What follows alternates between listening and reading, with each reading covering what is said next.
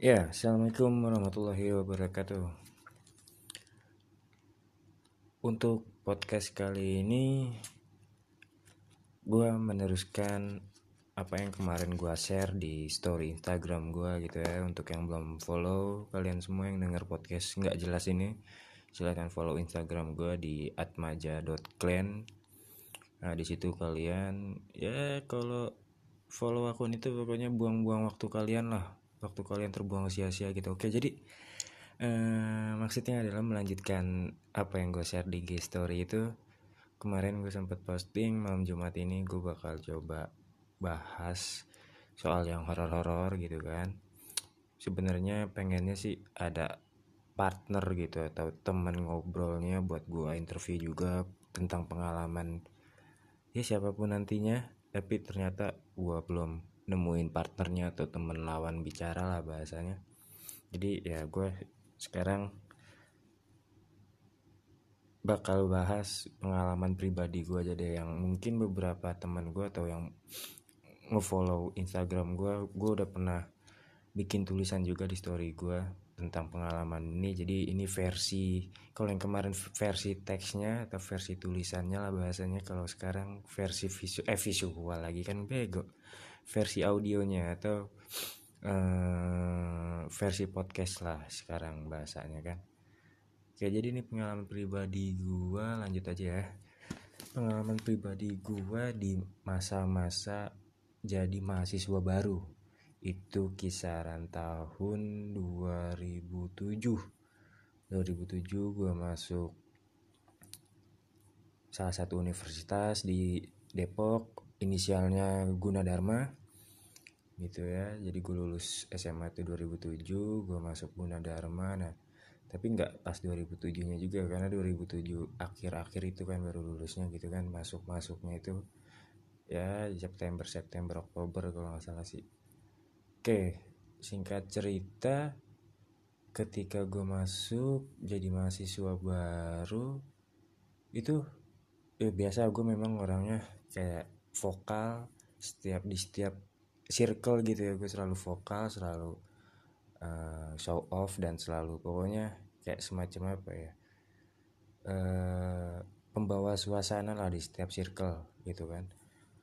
Nah jadi meskipun gua, kita semua maba gitu ya di kelas itu sama-sama ya baru pada kenal ada yang baru kenal dua orang tiga orang gitu kan. Jadi gue pada saat itu entah sudah berjalan sebulan atau dua bulan jadi mahasiswa baru gue lupa. Gue langsung ke depan kelas gitu kan. Jadi ini awal mulanya dulu ya. Jadi gue langsung ke depan kelas terus gue teriak di depan kelas. Jadi karena uh, apa ya bingung juga. Sebentar kegok kayak kan. Sebat dulu kita bakar rokok dulu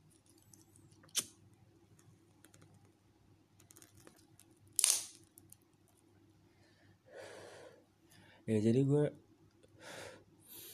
ke depan kelas gue teriak gue bilang woi di sini dari lo semua siapa yang ngekos? Gitu kan.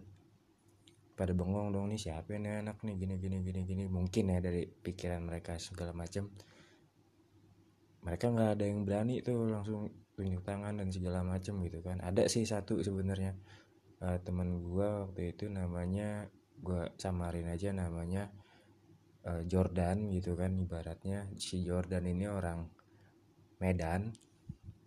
Oke dia tunjuk tangan.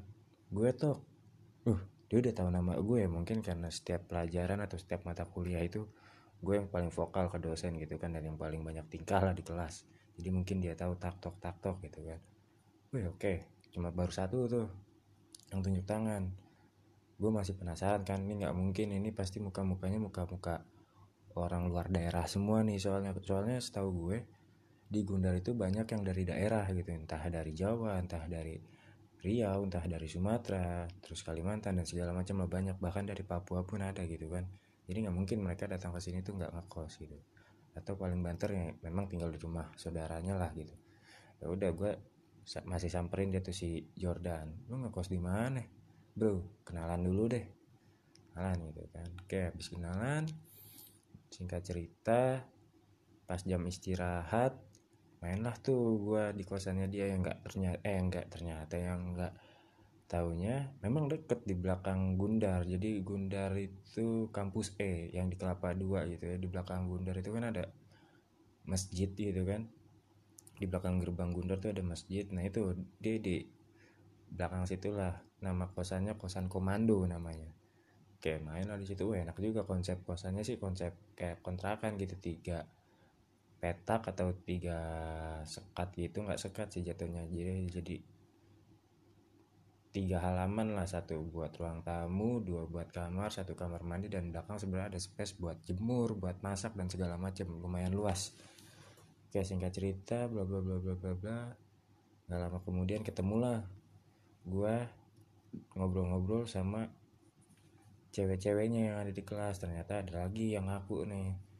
Sebut saja namanya uh, Popon gitu ya. Nah Popon ini dia asli dari Bangka kalau nggak salah. Iya dia asli dari Bangka. Dan dia ngekos. Memang logat sama e, perawakannya pun memang beda. Jadi putih-putih gimana gitu kan. Kayak dia ngaku ngekos di daerah Margonda. Ada yang sekarang tuh kalau kita perhatiin gangnya itu yang tembusan di samping KFC Margonda yang deket. Pom bensin tuh kan ada KFC nah itu sebelahnya ada gang. Bukan yang gang yang sempitnya bisa juga lewat yang gang sempit tapi gue biasa lewat gang yang satunya lagi yang agak besar tuh. Nah di situ deh di belakang situ dia ada kosan pokoknya zaman dulu gitu kan. Nggak tahu sekarang masih ada apa enggak oke nah kebetulan karena gue emang orangnya gampang deket gitu kan. Ke cowok ke cewek gampang deket. Kebetulan lagi gue di kampus itu ada praktikum praktikum fisika apa kalau nggak salah. Nah gue sekelompok sama si popon itu gitu. Jadi singkat cerita gue praktikum sekelompok dan akhirnya setiap ngerjain tugas kelompok gue selalu ngerjain di kosannya si Popon yang ada di Margonda itu. Nama gangnya gue lupa sih gang apa gitu ya. Gedong-dong apa ya? bukan sih bukan gedong-dong masa non lagi ya pokoknya di situlah oke. Di situ lanjut. Pertama sih ngerjain siang gitu kan atau misalkan lagi nggak ada jam mata kuliah siangnya sampai sore gue ngerjain di kosannya balik. Nah sampai ke sini sini sini. Nggak taunya entah kenapa ya gue sering nginep jadinya di kosan si Popon itu. Gitu kan sering nginep sering nemenin dia karena dia sendirian kan gitu kan di kosan yang gede juga dia konsepnya kosannya konsepnya konsep kayak kontrakan juga konsep yang tiga sekat gitu halaman ruang tamu gitu atau ruang nongkrong lah bahasanya. Tengahnya kamar belakangnya kamar mandi dapur dan belakangnya buat ngejemur gitu. Gede juga lumayan. Kalau untuk kasta kita lah anak kosan itu enak juga gitu. Oke lanjut. Nah entah kapannya kayaknya sih itu di 2008an awal gitu ya. Pokoknya selang udah kuliah 4 bulan 3 bulanan gitu deh. Nggak maba-maba banget tapi tetap masih semester 1 gitu kan. Nginep lah tuh gue habis ngerjain tugas gitu kan. Tok sini aja yang nginep tok. Gue sendirian nih gitu kan bla bla bla bla. Pokoknya gue lupa. Ya udah akhirnya gue putusin gue temenin dia tuh waktu itu nginep di kosannya si Popon gitu kan oke sampai malam gue masih berdua bla bla bla bla di dalam kosannya gitu ya. Ngobrol segala macem dan yang lain-lain. Oke, bentar bakar rokok lagi.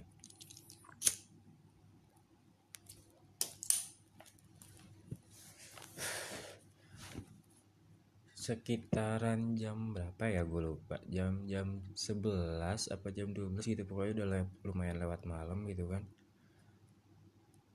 Si Popon itu udah mandi gue pun udah mandi gitu kasarnya pokoknya jam 11 atau jam 12 itu kita semua udah sama-sama mandi dan terakhir dicek itu uh, kita masih nyalain air dan yang pastinya supaya si apa air di dalam bak mandinya itu masih ada isinya gitu kan. Jadi kita mandi sambil nyalain air sambil ngisi air juga gitu di bak mandi.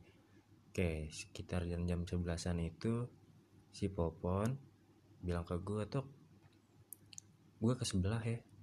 Jadi di sebelah kosannya dia itu ada temennya dia juga yang kebetulan asli Bangka juga. Jadi dia ke Depok itu kalau nggak salah sih historinya dia temenan tuh berdua dan ada abang-abangannya yang lain yang senior lah bahasanya anak Bangka juga. Jadi kalau si Popon ini generasinya bareng si temennya ini yang tinggal di sebelah kosannya si Popon. Jadi tok gue tinggal eh tinggal. Tok gue ke sebelah ya. Si sebutlah nama temennya itu Ani. Si Ani pengen curhat katanya soal cowoknya gue pengen temenin dia. Oke lu nggak apa-apa kan sendirian tuh ya gue bilang nggak apa-apa lah ya kan emang kenapa? Selalu aja ya udah lu temenin aja temenin dia tuh pas ditemenin dia ke sebelah jam 12an WhatsApp akhirnya. Eh dulu belum ada WhatsApp deh. Belum. Handphone gue masih cadul masih Nokia tuli lulit tuli lulit pokoknya SMS apa gimana ngabarin ke gue tok gue nginep di sini ya di sebelah. Ini kayaknya bakalan lama nih dia curhatnya bla bla bla bla. Pokoknya gitu dah. Ya udah nggak apa-apa lu di sebelah aja lu temenin. Dia kesian nih dia galau gini gini ya udah lu temenin aja gue bilang gitu kan. Oke lanjut ngopi lagi oke jam 12 gue masih nonton TV sambil ngerokok ngerokok gitu kan.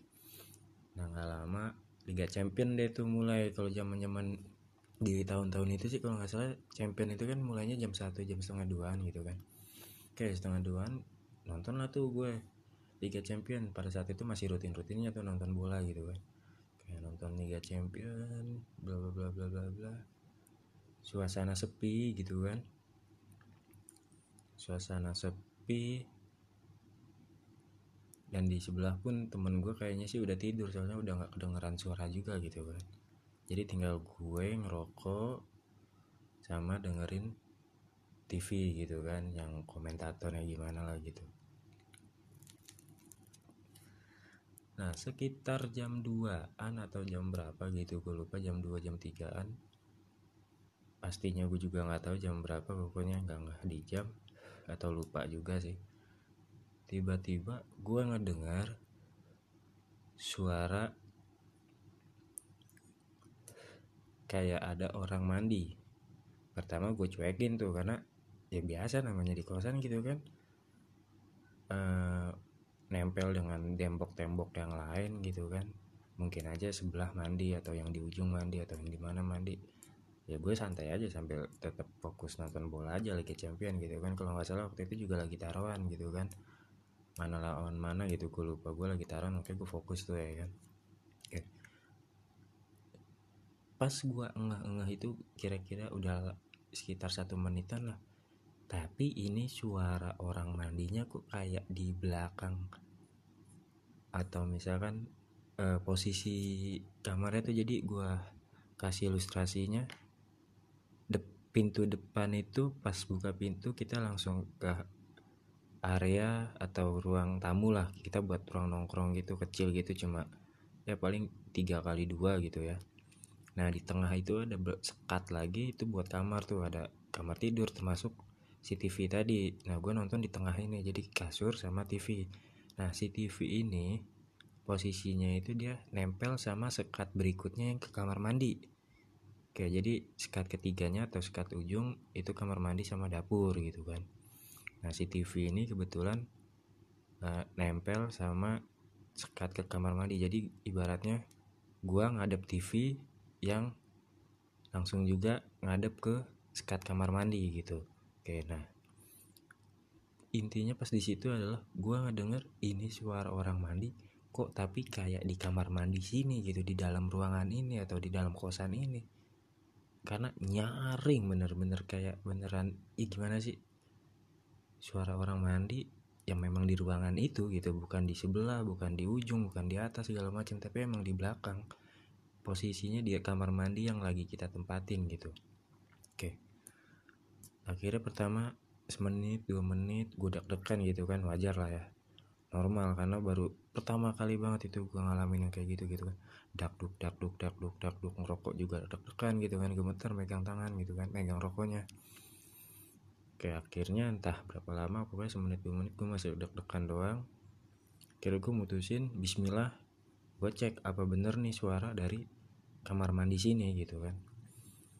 Gue ke belakang gue jalan gue dobrak saking gue takutnya gue nggak yang buka pelan-pelan langsung gue dobrak jebret dan lo tahu semua ternyata pas dibuka pintu kamar mandinya aduh merinding nih langsung nih gue nih. Pas gue buka pintu kamar mandinya itu air yang ada di bak mandi goyang-goyang kayak lagi habis dipakai. Dan gayungnya pun ikat muter-muter. Kalian tau lah ya kan kalau bak mandi habis digunain itu pasti kayak bergelombang atau muter-muter atau uh, misalkan ada gayungnya gayungnya juga ikutan gerak gitu kan. Dan bukan cuma di situ bro. Aliran air kamar mandinya pun uh, dek dek berinding gue bunyi jadi kayak kita kalau di kamar mandi tuh kalau mandi atau nyiram air kan di baknya goyang dan di bawahnya aliran air yang untuk keselokan itu kan ada juga tuh ngalir dan basah pasti kan ubin kamar mandi. Itu basah dan masih ngalir bro. Lu bayangin di ruangan yang kosan itu lu sendirian dan di depan congor lu ada begituan meskipun gak ditampakin. Yang mungkin ya sebenarnya pada saat itu dia ada entah di depan gua atau di belakang gua karena gua nggak bisa ngelihat gitu kan sebenarnya mungkin aja ada kalau kalian yang bisa ngelihat atau kalian indigo dengar dengan dengar cerita ini mungkin kalian bisa ilustrasi oh iya sebenarnya itu ada toh lagi di sini lagi di sini lu ada di sini lu tapi lu nggak ngeliat gini gini gini.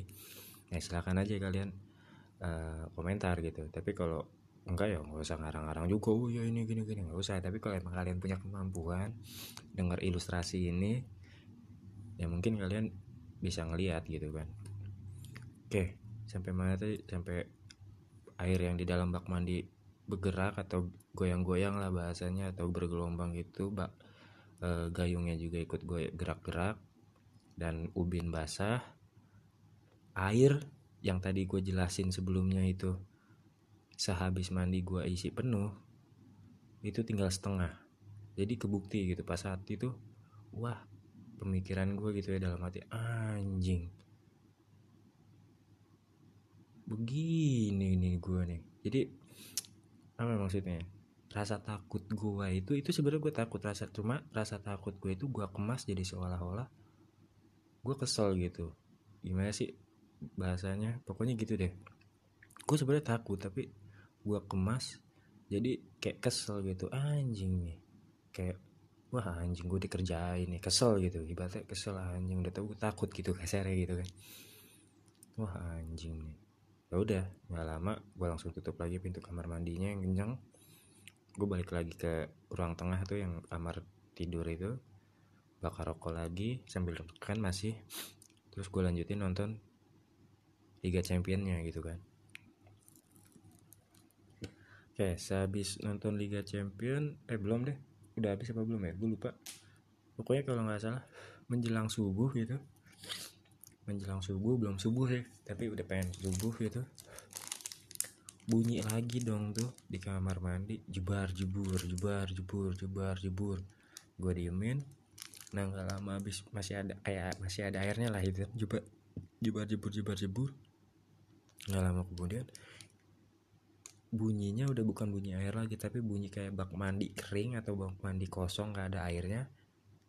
Tapi dipaksain eh, tetap nyentong air gitu. Gimana sih bahasanya? Ini bak kosong nggak ada air tapi kita tetap ngegayung gitu kan. Jadi bunyinya peletak peletok peletak peletok peletak peletok gitu kan. Nah wah anjing. Jadi malah berisiknya berisik nggak karuan gitu kan. Kalau bunyi air jebar jebur masih mending gitu kan. Ini malah berisiknya berisik nggak karuan. Peletak peletok peletak peletok peletak peletok entah karena mungkin ya si ya gue nggak tahu itu bentuknya apa setan kuntilanak atau apa pun itu emang gue nggak tahu bentuknya karena gue nggak bisa ngeliat gitu.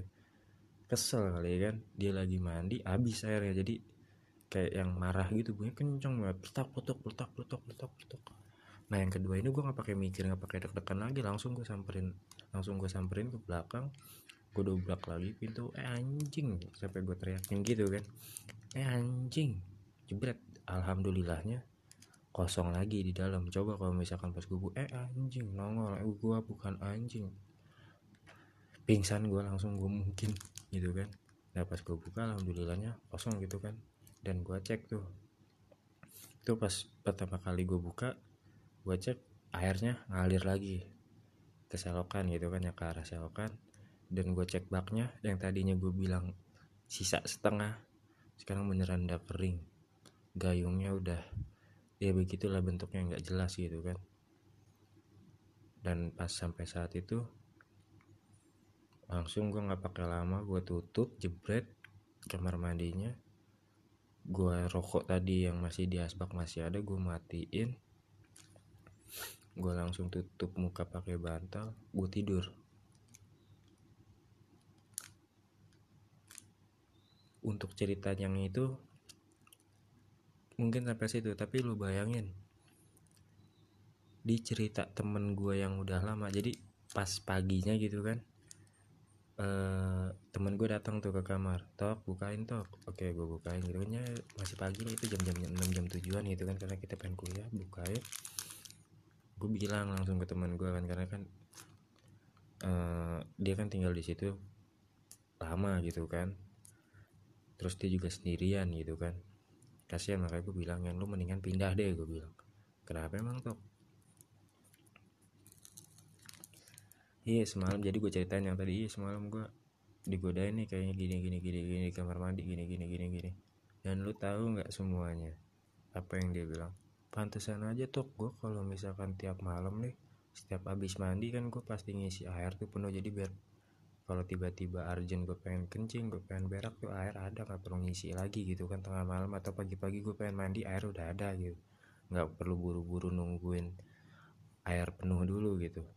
Nah tapi beberapa waktu ini gue setiap kali mal setiap kali ngisi air tengah malam gitu atau malam habis mandi paginya udah pasti kering tuh gue kirain itu bak bocor tapi kalau gue isi pagi ke malam itu masih nyisa tuh airnya cuma dari malam ke pagi aja itu yang pasti kering. Nah ketemu benang merahnya jadinya. Sebenarnya teman gue selama ini juga udah ngerasain tapi mungkin karena dia setiap tengah malam udah tidur jadi dia nggak tahu apa kejadian di tengah malam itu ada proses kayak gitu. Jadi dia cuma tahu pas bangun-bangun pagi-pagi bak mandi itu udah gak ada airnya udah kosong. Tiap malam dia gitu terus cuma gitu. Jadi makanya dia masih bisa kasih kesimpulan awalnya cuma karena bocor aja bocor halus mungkinnya jadi pelan pelan pelan habis paginya gitu menurut dia. Karena dia nggak ngerasain kejadian. Sedangkan gue yang ngalamin sendiri makanya gue share ke dia pantesan lah ketemu benang merahnya. Udah pokoknya selang berapa hari gitu gue tanyain lu gimana? Masih tinggal di situ atau masih ngekos di situ? Masih lah gue mau tinggal di mana lagi? Di situ kan teman-teman gue banyak senior senior gue dari Bangka juga banyak.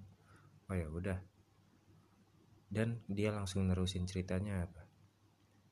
Lu tau gak tok? Kenapa? Gua semalam. Kenapa lu semalam? Dia kayak gimana ya pengen cerita tapi ada takut ada deg-degan juga ada kayak gimana lah pokoknya kayak gitu. Gua semalam kebangun nggak tahu jam berapa kata dia kan sambil datar gitu ngomong nggak tahu jam berapa gue bangunnya pokoknya gue tiba-tiba kebangun dan gue kayak nggak bisa gerak gitu atau bahasa lu mah mungkin rep-repan kali ya kata dia gitu kan. Bahasa iya bahasa sini sih rep-repan tapi kenapa dulu? Gue nggak tahu kan kronologinya gue bilang. Iya pokoknya gue bangun mata gue melek tapi badan gue nggak bisa gerak mulut gue nggak bisa teriak. Lah kenapa bisa begitu lu tau nggak pengen gue lihat? Apaan? Gue ngeliat wanita nempel di tembok tok. Gue pengen teriak mulut gue nggak bisa. Tangan kaki gue gue pengen lari juga nggak bisa. Itu ada kali tok 15 menitan kata dia gitu kan. Wah gila itu sih gue bilang. Wah itu mah udah gak masuk akal gue bilang. Itu lu udah harus pindah gue bilang kan. Lu masih berani kayak begitu? Gimana tok gue mau pindah ke mana lagi kata dia. Sebenarnya dia duit dari soal urusan duit sih banyak dan kosan lu tahu sendiri lah untuk yang warga Depok gitu kan. Di daerah Depok apalagi dekat-dekat Gundar Kelapa Dua kosan banyak merajalela. Tapi nggak tahu kenapa dia nggak pengen pindah aja gitu. Kalau nggak salah sih sampai lulus dia masih di situ deh kalau nggak salah gitu ya. Karena gue di semester tiganya udah nggak sekelas lagi dan udah nggak se tongkrongan lagi sama dia jadi gue kurang tahu juga. Jadi pokoknya begitu dia bilang masya allah lu bayangin coba tengah malam lu kebangun pas lu buka mata melek sosok cewek nempel di tembok. Nempelnya itu jadi kalau dia bayangin tuh jadi kayak ada di dalam tembok gitu bukan nempel yang kayak cicak gitu masih antara tembok dan cicak. Tapi kalau ini nyatu sama tembok si cewek itu nyatu sama tembok dan lagi melototin dia lagi tidur. Uh ini aja gue merinding banget. Jadi itu pengalaman pribadi gue sih, sih di zaman awal-awal masuk kuliah waktu 2007 2008an lah sebenarnya banyak juga. Tapi menurut gue nggak begitu yang serem-serem banget sih ada lucunya juga. Cuma ini kayaknya yang paling wah nggak bakal bisa gue lupain lah pengalaman ini seumur hidup gue sekali kalinya gue ngerasain main apa namanya face to eh face to face enggak ya soalnya nggak diliatin. Apa kasarnya sih one by one gitu sama dia. Di satu ruangan. Nggak kebayang sebelumnya gitu kan. Oke jadi paling segitu dulu pengalaman misteri gue atau pengalaman horor gue atau pengalaman apa ya ya pengalaman mistis lah pengalaman yang ya mungkin menurut kalian gak serem tapi kalau kalian bayangin posisi kalian ada di situ sih ya gue bisa jamin kalian juga copot jantungnya mungkin gitu kan. Oke uh, mungkin kalau nanti malam Jumat depan ada teman gue atau siapa pun itu narsum yang bisa gue interview untuk sharing-sharing pengalaman pribadinya dia mengenai kejadian-kejadian horor gitu kejadian-kejadian serem ya mungkin nanti gue bakalan podcastin lagi oke okay. nah, cukup sampai sini dulu paling uh, podcast malam Jumat kali ini podcast yang mudah-mudahan bikin malam Jumat kalian merinding juga. Oke semuanya selamat malam. Assalamualaikum warahmatullahi wabarakatuh